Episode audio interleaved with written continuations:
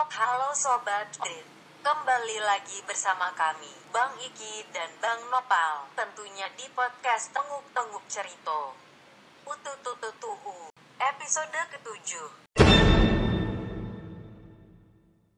Kita kembali lagi di podcast Tengok-Tengok Cerita Eh, Setelah sekian lama ya Sekian lama kita tidak eh, mengkonten atau kemudian kita berpodcast ria Akhirnya kita datang kembali eh, Membawa beberapa bahasan yang mungkin eh, ini akan kita coba kelupas kulitnya saja gitu Karena mungkin karena kita bukan pakar Jadi sampai ke tahap FYA gitu For your information gitu untuk eh, teman-teman semua para pendengar setia dari podcast tengok-tengok cerita kayak gitu. Jadi eh, di podcast kali ini eh, kita akan membahas tentang nano-nanonya kebijakan pemerintah di tengah pandemi COVID-19 kayak gitu. Bukannya kemudian malah fokus kepada penanganan eh, atau mungkin kepada kebijakan kesehatannya tapi malah kebijakan-kebijakan yang lain kayak gitu seperti pertama soal eh, Perpu nomor 1 tahun 2020 tentang kebijakan keuangan negara dan stabilitas sistem keuangan untuk penanganan pandemi COVID-19 ini akan segera diundangkan atau mungkin sudah disepakati ya disepakati oleh DPR untuk kemudian diundangkan. Kemudian yang kedua terkait dengan uh, silumannya undang-undang Minerba ya. Silumannya undang-undang Minerba yang telah disahkan gitu oleh DPR RI ini luar biasa gitu. Kemudian ada apa lagi nih? ada juga terkait dengan uh, iuran BPJS masih yang terbitnya Perpres nomor Perpres nomor 64 tahun 2020 jadi uh, ada Perpres baru untuk kenaikan iuran BPJS dan juga terkait uh, undang -undang dari rancangan undang-undang. Jadi rancangan undang-undang terkait dengan uh, namanya HIP haluan ideologi Pancasila. Jadi dalam sidang kemarin tuh ada tiga yang dibahas. Ada mas tadi itu yang terkait perpu tentang covid terus terkait HIP dan juga terkait minerba. Nah itu jadi tiga tiga bahasan dalam satu waktu kemarin tanggal 12 Mei. Hmm. jadi ini ya emang DPR kita itu kayak kurang kerjaan banget itu harusnya mengerjakan apa tapi mengerjakan apa gitu. Jadi emang DPR dan pemerintah kita itu sangat-sangat uh, visioner gitu kalau dalam tanda kutipnya. Harusnya kita menyelesaikan masalah-masalah yang uh, ada di depan mata kita tapi ini malah masalah-masalah yang mungkin sebenarnya masih bisa dibahas lebih dalam lagi dengan melibatkan banyak uh, stakeholder melibatkan banyak uh, orang atau mungkin uh, pemangku kebijakan yang lain atau mungkin masyarakat sipil kayak gitu malah buru-buru uh, untuk disahkan kayak gitu Okay. Ini mungkin karena ini mas, karena kita lagi puasa ini puasa uh, di puasa terus ikut puasa nih, jadi pemerintah sewenang-wenang nih, kayak perlu kita suarakan terus. Hati-hati loh, nanti kita pas rilis podcast ini kita bisa jadi diciduk loh, hati-hati. Makanya kita nih harus harus isi podcast terus nih biar ramai. aduh, aduh, aduh. Oke, uh, mungkin kita mulai sedikit ya berkaitan dengan uh, Perpu nomor 1 tahun 2020 yang sudah disepakati oleh DPR RI dari 8 fraksi eh dari 9 fraksi 8 fraksi menyepakatinya gitu. Satu fraksi apa yang tidak menyepakati? Betul.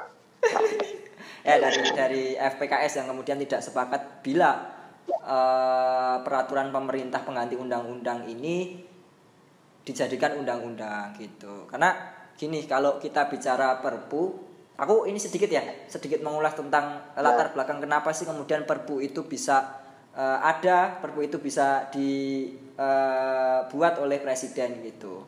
Nah uh, dalam pasal 22 ayat 1 Undang-Undang Dasar 1945 peraturan pemerintah pengganti undang-undang ini bisa diadakan atau mungkin bisa dibuat itu dalam hal ihwal kegentingan yang memaksa gitu.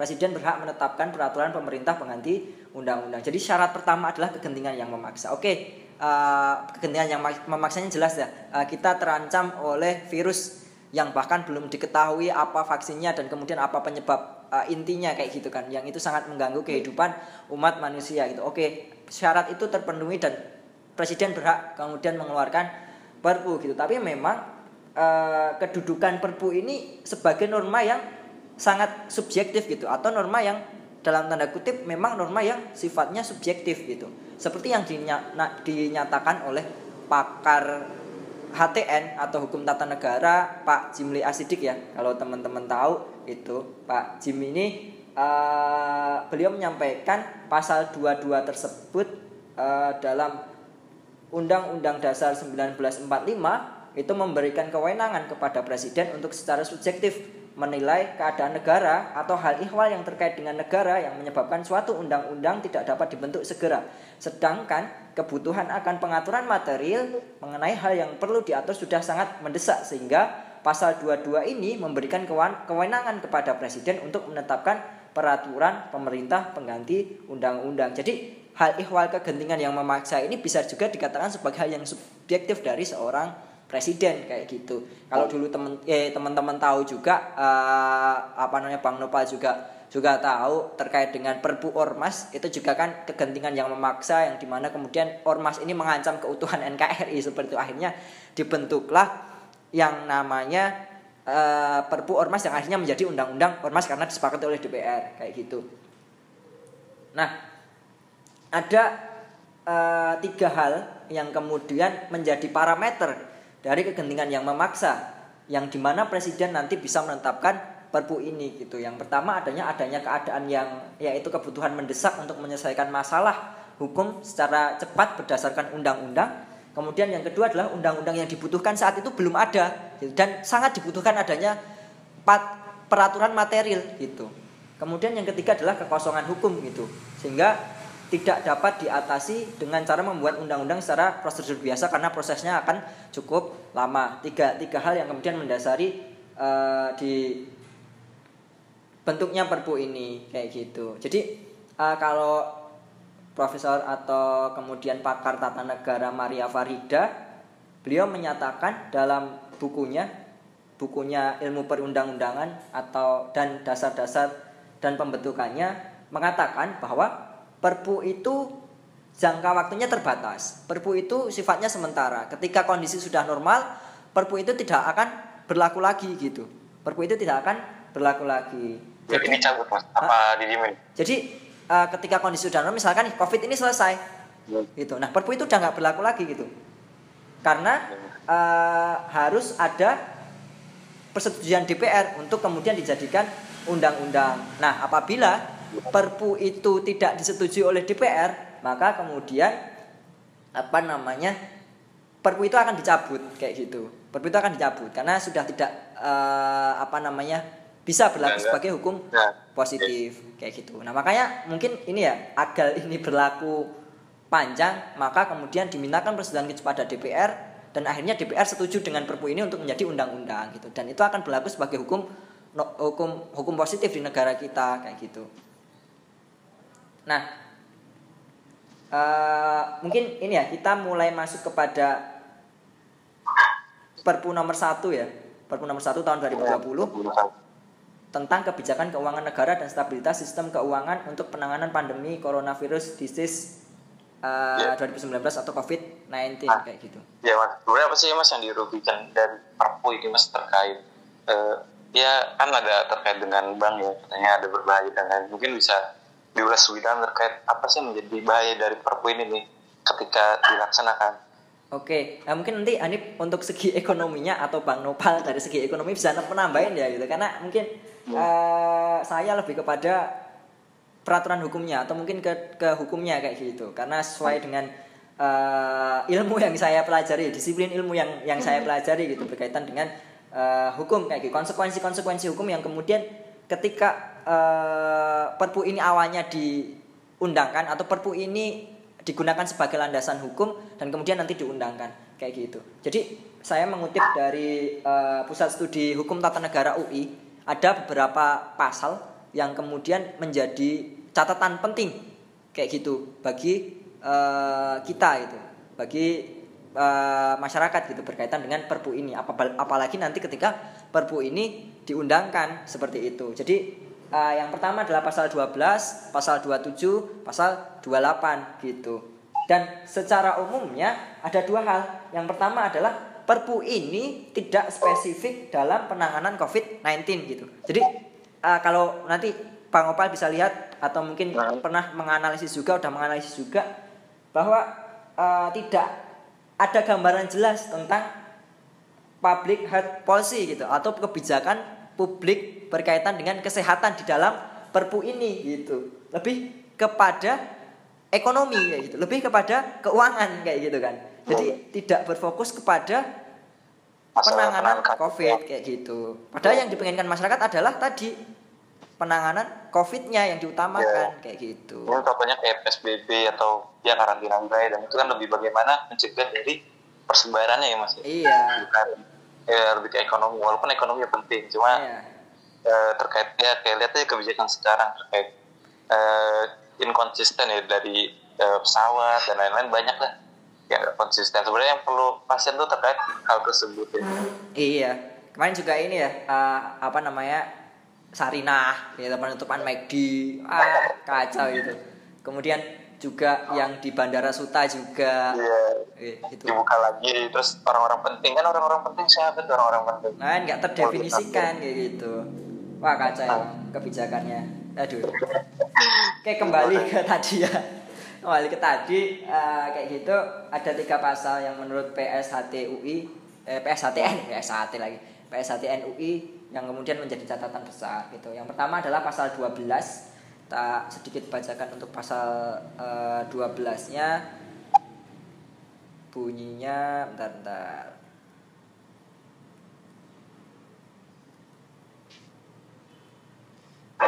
Mana ini?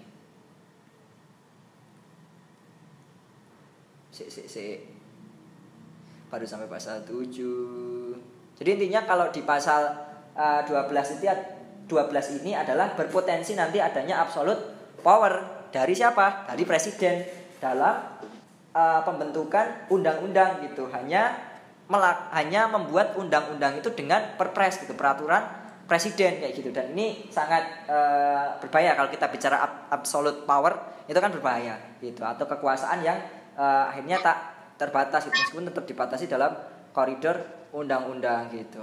Nah, gini dalam pasal uh, eh, 12. Nah, uh, pasal 12 ayat 1 pelaksanaan kebijakan keuangan negara dan langkah-langkah sebagaimana dimaksud dalam pasal 2 sampai dengan pasal 11 dilakukan dengan tetap memperhatikan tata kelola yang baik. Kemudian ayat 2 perubahan postur dan atau rincian anggaran pendapatan dan belanja negara atau APBN dalam rangka pelaksanaan kebijakan keuangan negara dengan langkah-langkah sebagaimana dimaksud dalam pasal 2 sampai dengan pasal 11 diatur dengan atau berdasarkan peraturan presiden gitu. Nah, di sinilah yang kemudian dalam tanda kutip berpotensi menimbulkan absolute powernya dari seorang presiden dengan peraturan presidennya gitu. Nah, di sinilah yang kemudian juga hilangnya fungsi checks and balances gitu. Yang kemudian ini menjadi karakteristik dari negara yang menganut sistem demokrasi kayak gitu. Jadi ini jadi catatan banget gitu uh, soal absolute power gitu. Ketika ini diundangkan lain, presiden itu bisa menetapkan APBN hanya dengan menggunakan atau berdasarkan dengan perpres. Padahal biasanya APBN itu ditetapkan bersama DPR perwakilan dari rakyat kayak gitu meskipun juga rakyat nggak merasa diwakili juga oleh DPR dengan sekarang kayak gitu. Kemudian yang kedua adalah pasal 27 Nah, di sini adalah di pasal 27 ini kalau nanti bisa dilihat ini ada semacam uh, frasa atau kemudian uh, dalam undang-undang ini C.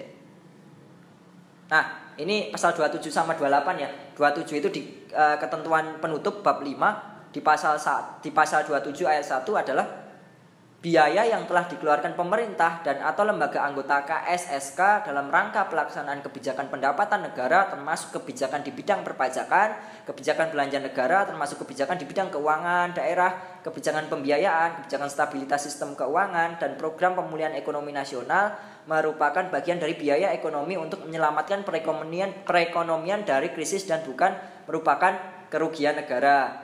Pasal eh, ayat 2-nya anggota KSKK, sekretaris KSKK, anggota sekretariat KSKK dan pejabat atau pegawai Kementerian Keuangan Bank Indonesia, Otoritas Jasa Keuangan, serta lembaga penjamin simpanan dan pejabat-pejabat lainnya yang berkaitan dengan pelaksanaan peraturan pemerintah pengganti undang-undang ini tidak dapat dituntut baik secara perdata maupun pidana jika dalam pelaksanaannya atau da jika dalam melaksanakan tugas didasarkan pada etikat baik dan sesuai dengan ketentuan peraturan perundang-undangan. Kemudian pasal tiganya adalah segala tindakan termasuk keputusan yang diambil berdasarkan peraturan uh, perintah pengganti undang-undang ini bukan merupakan subjek AE bukan merupakan objek gugatan yang dapat diajukan kepada peradilan tata usaha negara.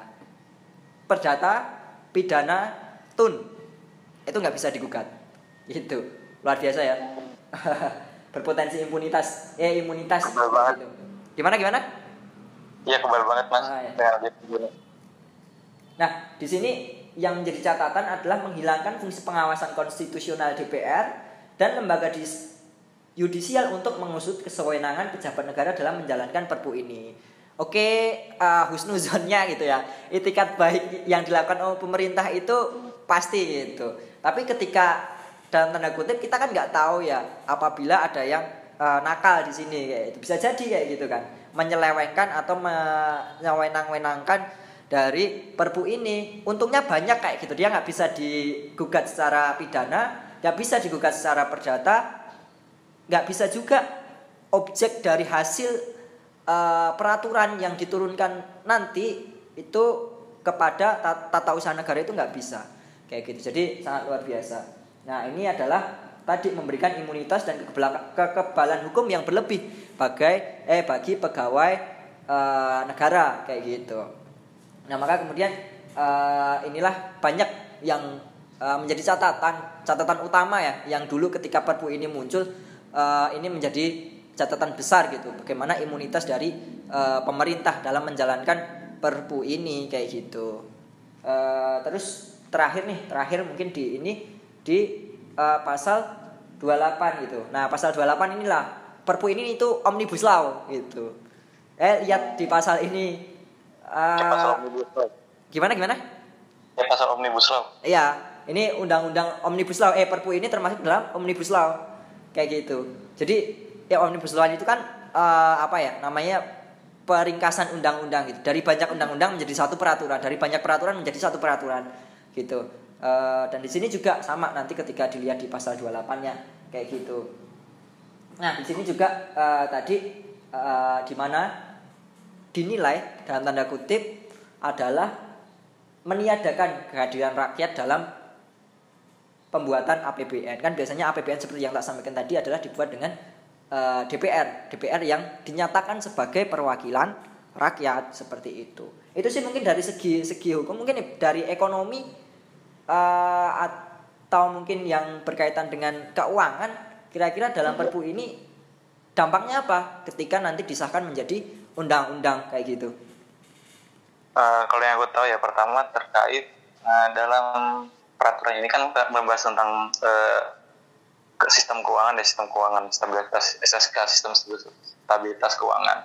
Nah dalam perpu ini nih uh, biasa kan defisit itu maksimal tiga persen ya untuk hmm, menjaga hmm, stabilitas keuangan. Hmm. Cuma dalam keadaan kayak gini pemerintah uh, melonggarkan itu ya jadi nggak ada batas maksimal dalam aturan tersebut juga bisa dicek jadi nggak ada batas maksimal sehingga dengan kayak gitu eh, nggak e, ada patokan jadi berbahaya juga ya ketika defisitnya berlebihan ya dengan hmm. kayak gini nah sehingga e, keadaan kayak gini kan perlu di ini juga perlu dibatasi defisitnya berapa agar uang bisa stabil nah itu sangat berbahaya terus juga terkait memangkas kewenangan dari DPR DPD dan BPK dalam peradilan sehingga nggak ada kontrol yang bagus itu. Ya. Nah, nah, jadi cek check and balance-nya itu. Makanya ketika BPK dan kurang kayak mau ngawasi keuangan ya, bahaya juga ya. Bakal ada kayak ya kita nggak sebutin juga sih cuman bahaya kasus korupsi ya dalam keadaan krisis kayak gini ya.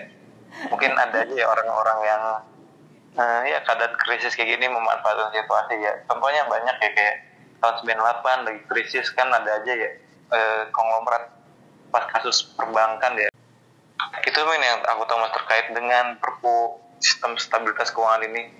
Hmm. Ya makanya kan itu jadi catatan banget gitu ketika Perpu ini diundangkan dan dan ini li, ini sih pada akhirnya pemerintah sama DPR itu sama-sama gitu. Jadi nggak ada apa tektok timbal balik yang kemudian saling mempertanyakan gitu antara pemerintah dan dan DPR kayak gitu. Semua hampir semua fraksinya itu sepakat dengan apa yang dilakukan pemerintah kayak gitu.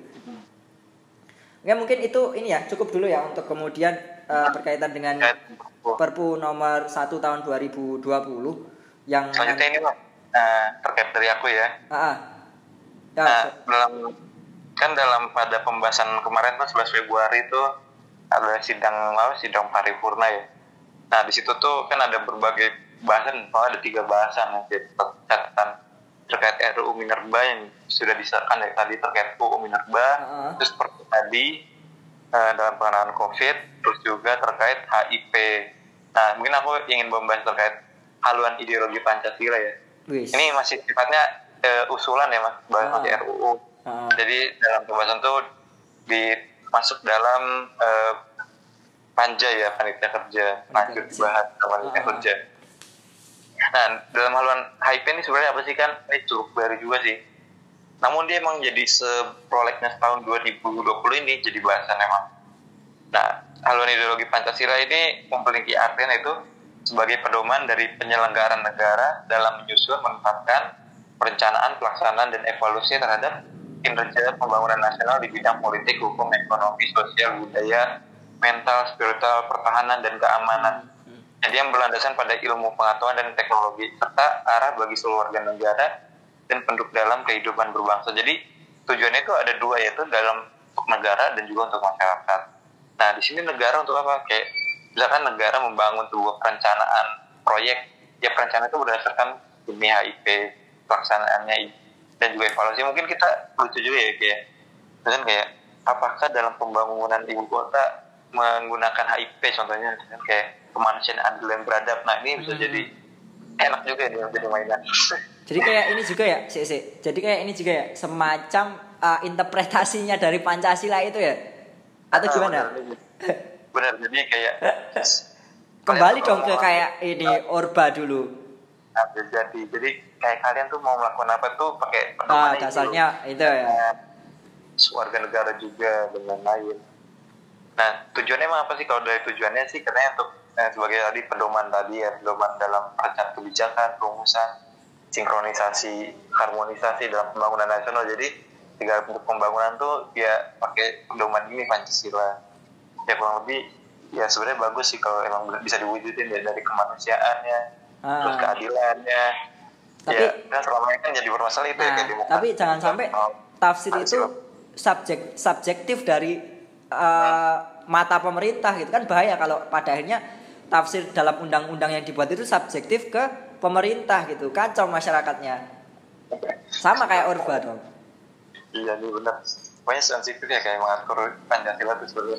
nah, Nah ini sebenarnya kan, eh, jadi dalam ini juga yang kedua ya tadi kan terkait eh, dalam perencanaan pembangunan terus kedua terkait dengan eh, jadi pedoman bagi setiap warga negara dalam kehidupan berbangsa bernegara. Kurang lebih ya mungkin yang udah amal itu UNS sih mas. Sebagai benteng Pancasila. benteng Pancasila yoi. Penting ada gapura benteng Pancasila dulu lah pokoknya. Nah itu. Dan juga ya kayak gini kan mungkin contoh kasusnya ini. Eh, ada nih ya kampus ngelakuin ini terkait seleksi beasiswa menggunakan tes umum nah itu, mengamalkan Pancasila sekali. Itu wujudnya ketika bagaimana Pancasila dibenturkan dengan agama. Itu mungkin salah satu wujudnya kayak gitu nanti ke depan. Nah kayak gini kan bagaimana eh, ya bagus sih sebagai pedoman warga negara nanti. Nah dalam penjalanannya ini mas dia itu eh, ada aturan lanjutnya jadi dalam pasal 38 nya RU-nya itu untuk menjamin pelaksanaan HIP ini eh, perlu dibentuk sebuah kementerian atau badan kependudukan atau dan keluarga nasional jadi sebentuk dibuat lembaga yang mengatur ini Hmm, Nah, namun kayak gini tuh tumpang tindih karena sebelumnya itu kan ada BPIB. BPIB ya, ah, BPIB. Ibu Presiden langsung. Nah, kurang lebih kan BPIB juga kan merumuskan terkait eh, ideologi Pancasila. iya iya Heeh. Nah, kemudian kan adanya tumpang tindih mungkin kita terkait adanya badannya lagi untuk mengatur. Ya nanti nggak tahu sih nanti kerja kementeriannya kayak gimana ya, bayangin. Kata kementerian ngurusin Pancasila. Kementerian Pancasila. Nah, jadi perdebatan juga ya mas ada tiga fraksi ya. Tiga Hmm. fraksi itu ada eh, P3, nah, PKS, dan Nasdem.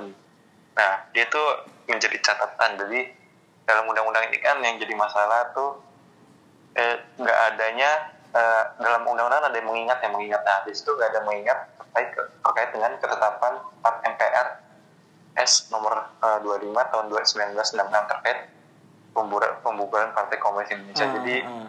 mereka tiga fraksi itu ingin memasukkan eh, terkait apa yang mengingat apa yang tersebut untuk agar eh, ya terkait agenda-agenda komunisme dan lain itu dapat dicegahkan karena ini kan semua cuma kan dalam tap MPR tersebut juga meng- segala mengingatnya itu kan terkait dengan ideologi-ideologi ya Iya. sehingga keinginannya untuk ya terkait isu ideologi komunisme juga dimasukkan untuk eh, tidak adanya penyebaran dan lain-lain yang eh, takutnya membahayakan negara lagi.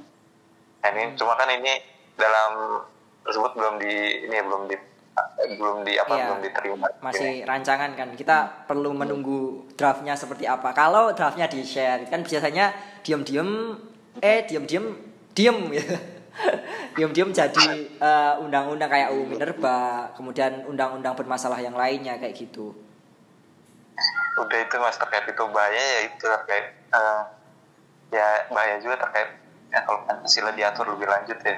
oke Ya lebih Ya, tafsir ya. dan lain-lain. Tadi soal rancangan undang-undang Perpu, kemudian rancangan undang-undang HIP, sekarang ini ya yang lagi hangat dan lagi disahkan kemarin yang sebenarnya juga ditolak oleh aktivis-aktivis lingkungan gitu ya. Eh, aktivis 2009 Mas. tambang gitu dari tahun kemarin itu yaitu UU Minerba gitu. Rancangan undang-undang Minerba yang sekarang sudah menjadi UU Minerba kayak gitu. Kalau eh, seliweran di timeline Twitter gitu. Eh, karena aku juga mungkin nggak banyak ngerti eh, soal undang-undang ini. Eh, tapi setidaknya paling ngerti adalah yang jelas undang-undang ini akan memberikan kar- karpet merah bagi pengusaha-pengusaha tambang itu. Oligarki oligarki tambang yang juga mungkin duduk di pemerintahan kayak gitu. Makanya undang-undang ini termasuk cepat gitu di di diundangkan gitu. Rancangan undang-undang ini cepat di, diundangkan kayak gitu. Aku nggak tahu sih apa ini masuk dalam prolegnas 2020 atau enggak kayak gitu. Perlu perlu perlu dicek kayak gitu. Tapi tiba-tiba muncul melanjutkan bahasan yang kemarin. Jadi setahu aku kalau di DPR itu ada undang-undang yang ketika rekomendasi di tahun sebelumnya itu bahasan ini bisa dilanjutkan itu pembahasannya akan dilanjutkan tanpa harus mengulang dari awal kayak gitu apakah kemudian ini termasuk yang itu atau enggak kurang kurang tahu gitu. Mungkin perlu digali lagi. Teman-teman eh, bisa nyari-nyari lagi searching-searching lagi. Mungkin ini membahas kulitnya saja gitu. Jadi yang menjadi masalah yang pertama adalah di pasal 45 gitu. Di sini pasal 45 ini mengatur jika terdapat mineral lain yang tergali dalam satu masa eksplorasi, maka tak akan terkena royalti. Yaitu bisa menjadi celah pelanggaran hukum dan eksploitasi yang berlebihan. Kayak gitu. Jadi ketika kita nih, kita lagi nambang. Nah, di tambang itu ternyata nemu NE mineral yang lain kayak gitu. Yang Nah, bukan uh, izinnya kan izinnya misalkan mineral A gitu. Tapi dia Ya, nemu juga mineral B kayak gitu. Ya merek nemunya emas gitu. Nah iya, en ah, tembaga nih kayak di Ah. Papua tembaga pura gitu. Papua tembaga ternyata nemunya emas gitu. Iya. Jadi eksploitasinya emas ini bisa jadi celah pelanggaran berlebihan kayak gitu.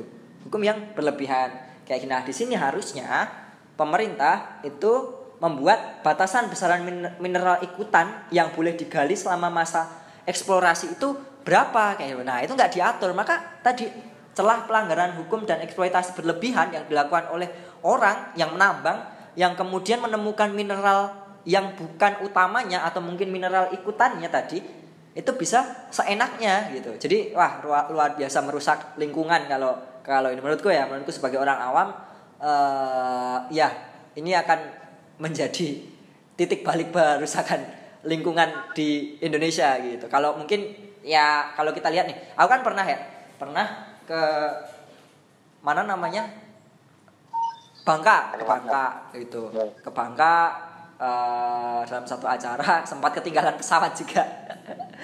Eh, pertama berangkat ketinggalan bus dapat bus sampai Jakarta ketinggalan pesawat harus beli lagi tiket pesawat kayak gitu. Kemudian sampai di sana baliknya beli tiket pesawat ternyata gagal bayar harus mundur satu hari. Eh, u- udah beli tiket kereta.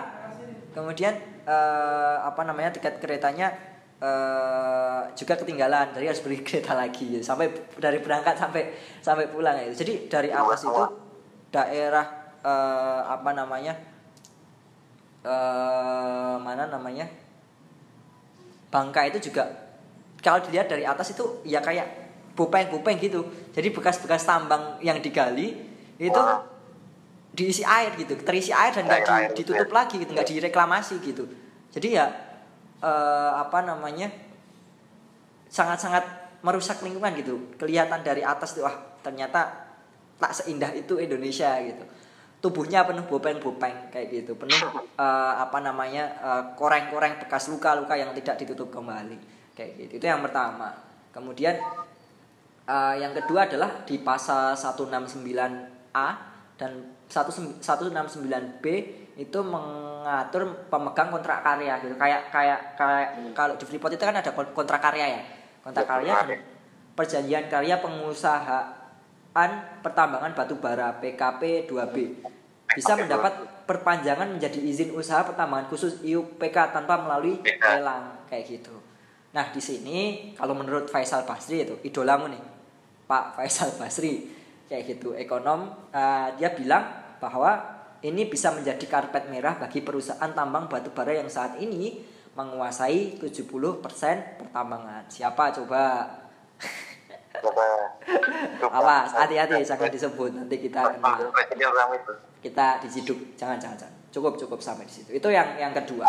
Kemudian yang ketiga adalah eh, dihapusnya pasal 165 mengatur sanksi pidana bagi tindak pidana korupsi dalam proses pertambangan kayak gitu. Nah ketika enak ini eh Sangat enak sekali ketika adanya eh, pejabat-pejabat main di ini ya, main di pertambangan.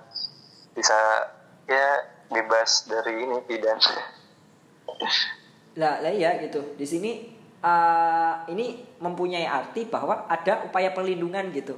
Dari korupsi pertambangan kayak gitu.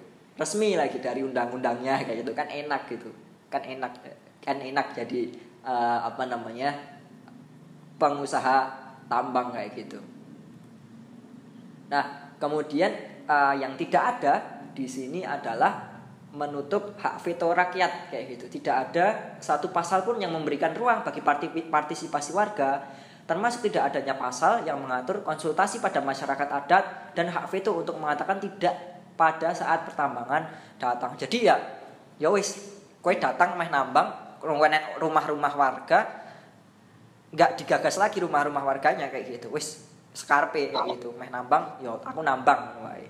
Kayak gitu. Itu berapa hal. Terus yang ini adalah di sini eh tidak adanya izin dari daerah kayak. Jadi perizinan itu langsung ke pusat gitu. Jadi sentralisasi eh, ala-ala Orde Baru gitu. Kayak gitu. Itu beberapa hal yang menjadi catatan.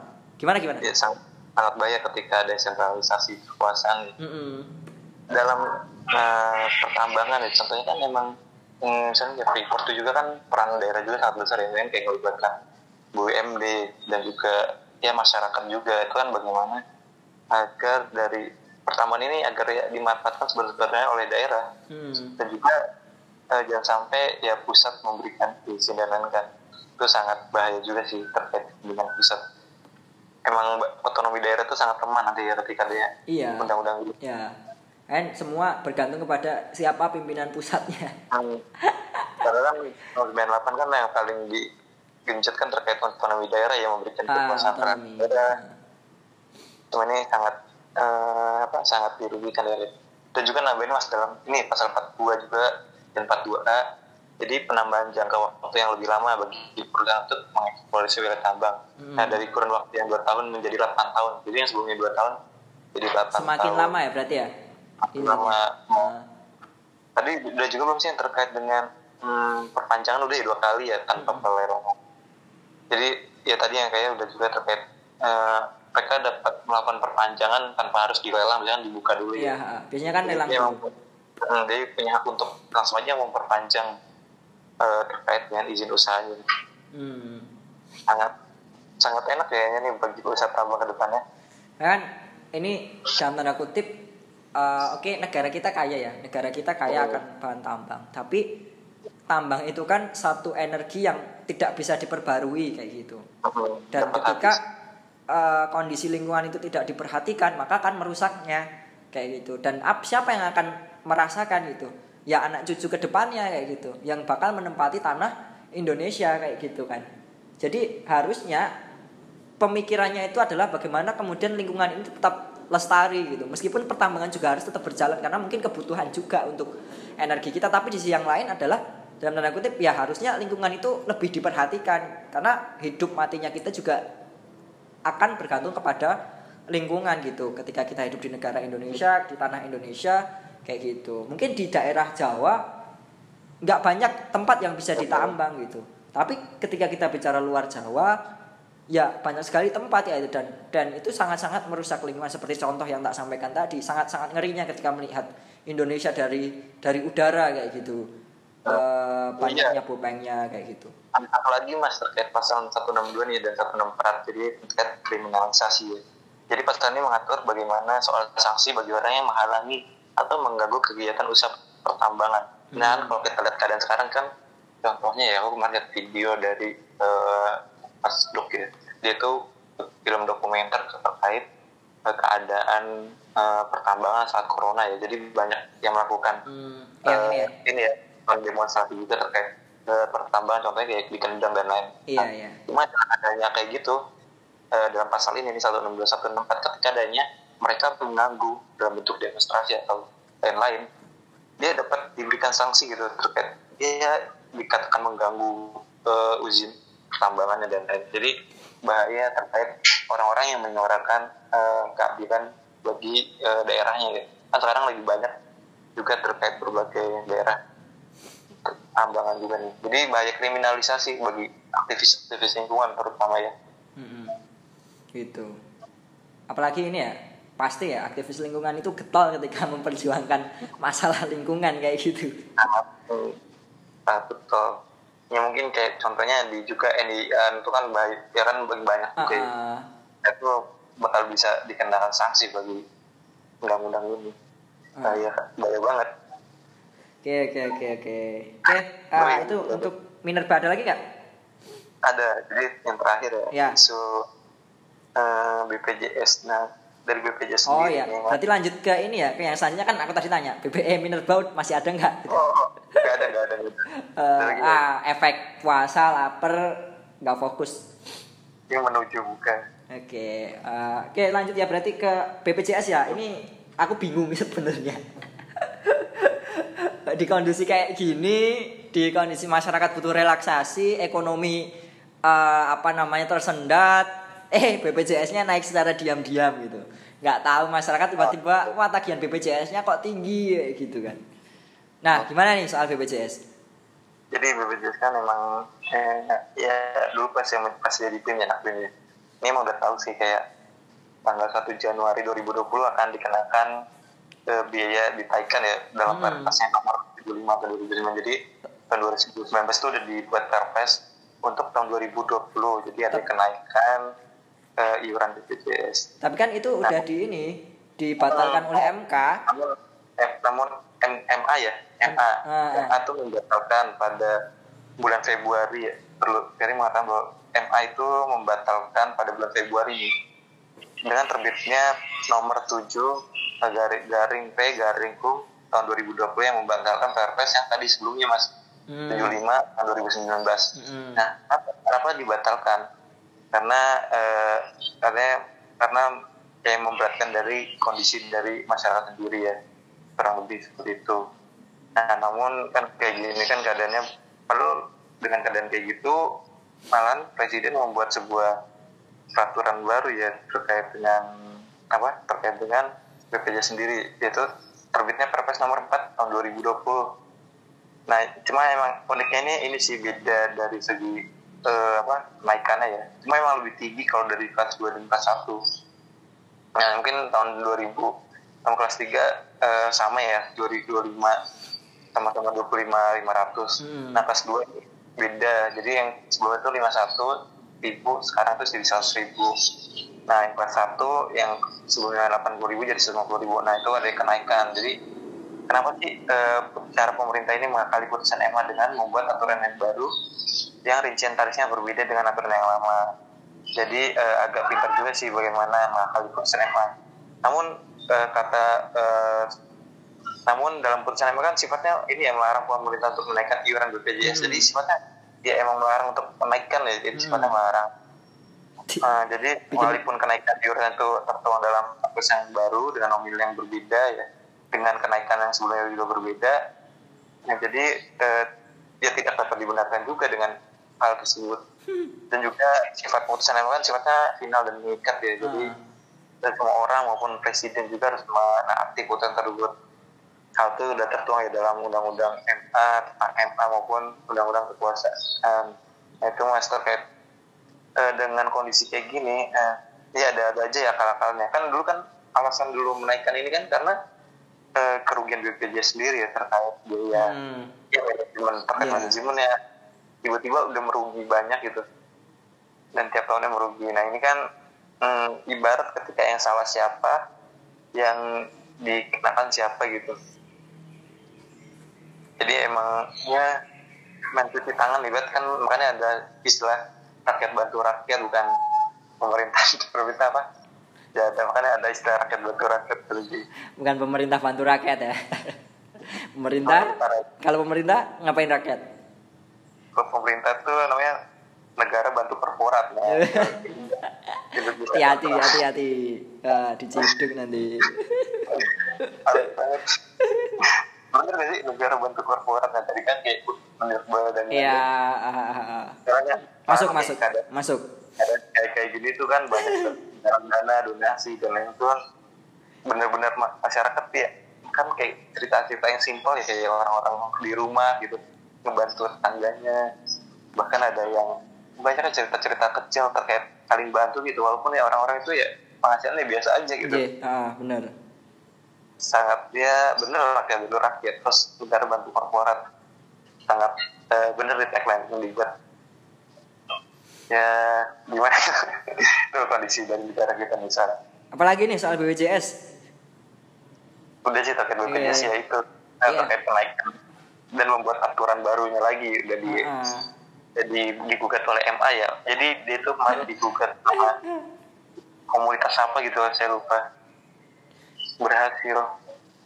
Jadi kayak ini ya, per, bikin perpres, lu dibatalkan, ah, bikin lagi perpres kayak gitu. gitu aja terus kayak gitu.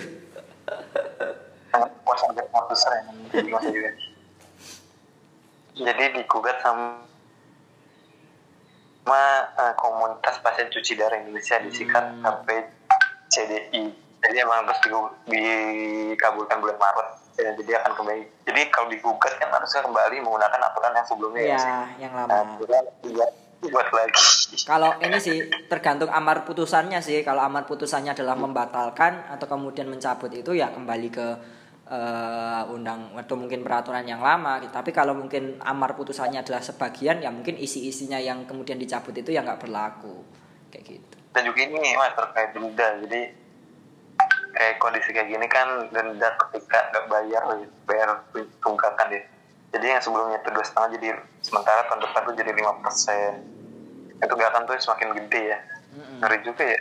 Udah nggak bayar dikasih Makanya kan se- sebenarnya mungkin ini kembali ke awal lagi ya eh, terkait dengan kebijakan yang dilakukan pemerintah terhadap penanganan COVID ini eh, itu memang pertama nggak mengarah ke eh, public health policy gitu kebijakan soal kesehatan kayak gitu. Padahal eh, ketika mulai sedari awal itu mengutamakan kebijakan soal kesehatan maka ekonomi itu bisa ditanggulangi lebih cepat gitu. Kalau kondisinya kayak gini, setengah-setengah mau kesehatan atau mau ekonomi akhirnya yang hancur dua-duanya kayak itu kesehatan hancur, ekonomi hancur kayak gitu. Itu sih sedikit komentar terkait dengan kebijakan pemerintah. Gitu. Ya, kasihan juga sih terkait uh, lagi kondisi ekonomi lagi lesu ya. Benar dari banyak kebijakan-kebijakan ini malah uh, bukan menstimulus dari kondisi masyarakat sendiri ya malah ya masyarakat tuh makin lesu lagi gitu kan. Hmm, banyak benar, benar, benar, benar. karena agak dilonggarkan dikasih bantuan. Ini malah bantuannya ini malah di, eh, dikurangin kan ibarat kayak subsidi kan karena subsidi ya kayak BPJS nah subsidi ini dikurangin. Uh -huh. ya emang kebijakannya nih kebijakan si Pak ini nih Pak ini yang sekarang emang agak eh, mengurangi subsidi ya kayak pemimpin-pemimpin adalah terkait pemimpin kriteria uh, tipe-tipe pemimpin. Beda dengan Pak SBY banyak subsidi dulu.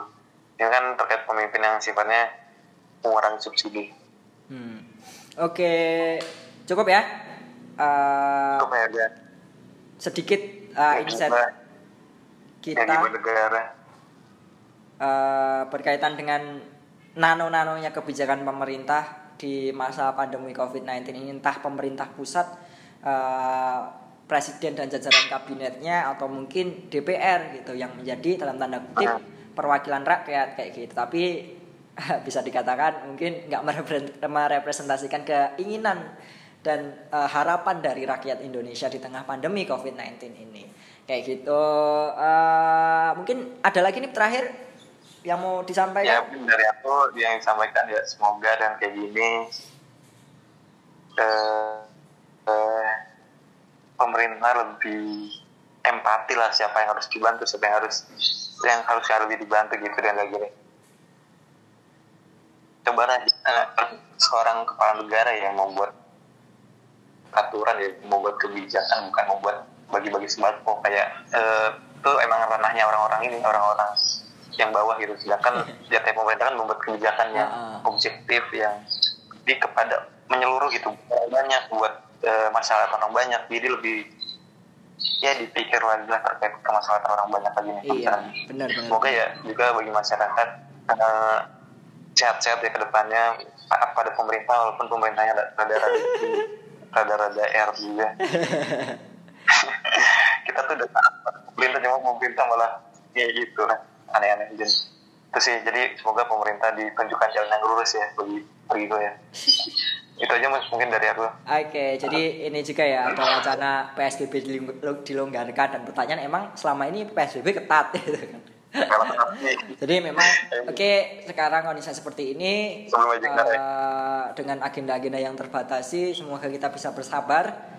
Kita semua bersabar uh, dalam mm-hmm setiap kegiatan kita semoga nanti segera ditunjukkan uh, jalan keluar yang terbaik bagi permasalahan ini wabah ini uh, dan kita bisa kembali bekerja uh, atau mungkin berkarya atau mungkin bersekolah dengan sebagaimana mestinya sesuai kondisi normal dan semoga uh, negara kita Indonesia diberikan kemampuan dan kekuatan dalam uh, menghadapi pandemi ini khususnya untuk masyarakat menengah ke bawah yang rentan ekonominya.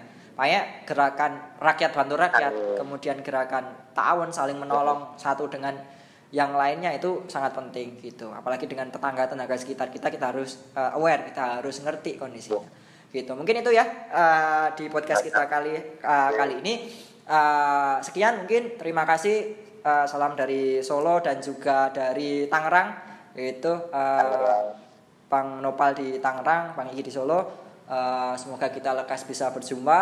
Uh, terima kasih, selamat mendengarkan dan selamat menunggu uh, buka puasa. Dadah.